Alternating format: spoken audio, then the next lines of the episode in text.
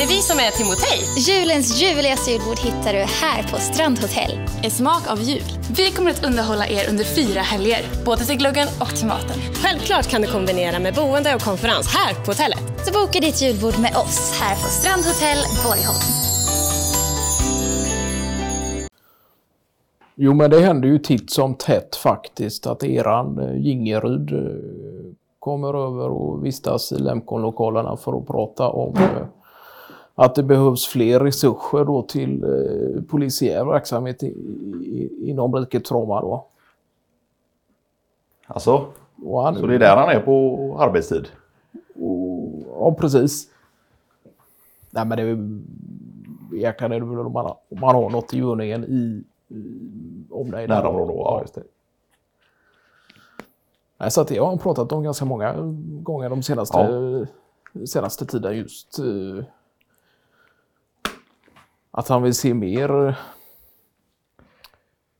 mm, krut och resurser till just svensk polis. Ja. Både då när det kommer till att vara på plats i vissa områden men också förebyggande arbete och Ja, kanske främst då patrullerande Okej. poliser. Så han är väldigt inne på det spåret tror jag. Polisen visar närvaro. Och... Ja, kanske just framförallt i närvaro och trygghet i den bemärkelsen. Då. ja, just det.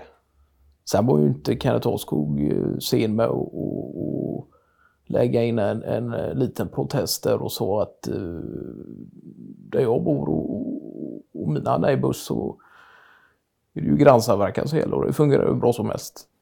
Ja. Men eh, det är klart att eh, den typen av community är det ju inte överallt i, Nej, nej. heller. Så är det ju.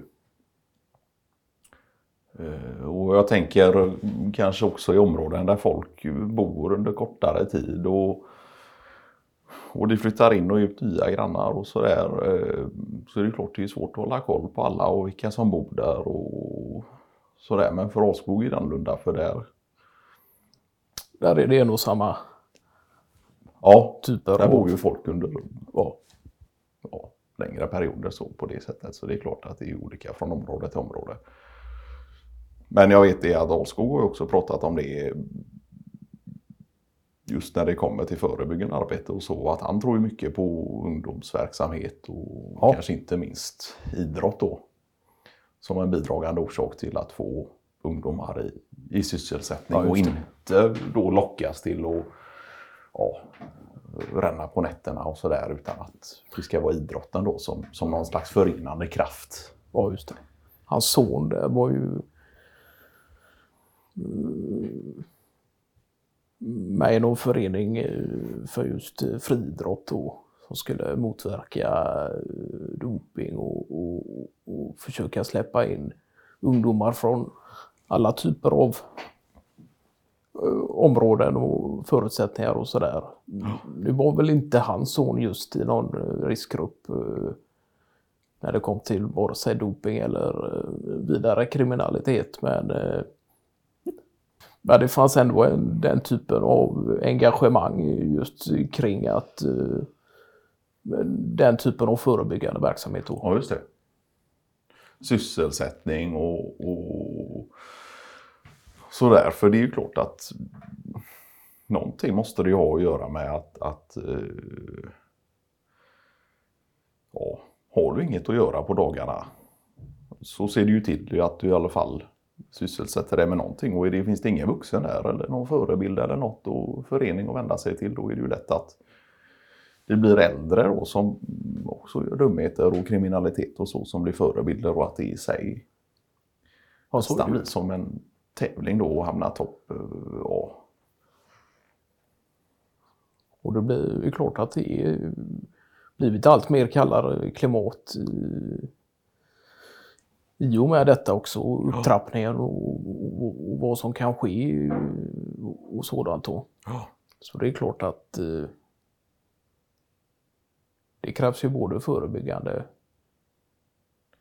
verksamhet samtidigt som det fortfarande är någonting som redan är här och pågår också. Va? Men sen kan jag tycka, jag kan ju se att kommunikation just eh, borde vara en prioritering Ja, inom polisiär verksamhet. Att det är där man får kontakt med ja, både unga och äldre. ja just det. Och det kan ju vara som så, det vet jag att eh, någon gång när eh, om det var så att eh, det var Hampus eller Felicia, men de fick ju i ganska tidig skolålder påhälsning av både brandkår och eh, sjukhuspersonal och polis och sådär som kom till skolan då och hade någon typ av ja, workshop-dag eh, och sådär. Där man just fick träffa eh, människor som hade detta som yrke då. De kom dit och berättade och sådär. Så det är klart att det är också ett sätt att få ungdomarna att få kontakt med Ja, det är klart. ja, polisiär verksamhet eller om det nu är brandkår eller sådär och få ett ansikte på dem som jobbar med det. Och det finns ju flera sätt att, att egentligen Ja, den, den typen av kommunikation kan ju ske, som i detta fall, i, i, som mer direkt i, information om vad som sker där ute. Ja. Och sen finns det ju en kommunikation som ska vara fungerbar där ute Ja, ja. på plats också då.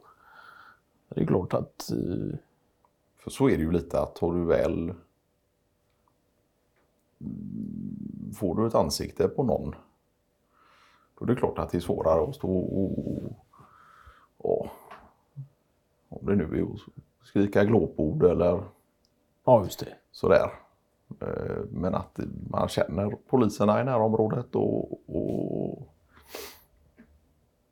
Ja, det kan ju vara lite av en kris han befinner sig i också, Gingerud, just hans eh, brinnande engagemang så plötsligt i den här frågan. Eh, det kan ju ha att göra med att han är på väg i någon övergångsperiod i sitt liv också i, och in till en eh, ny typ av eh, ålder och vuxenliv och, och sådär.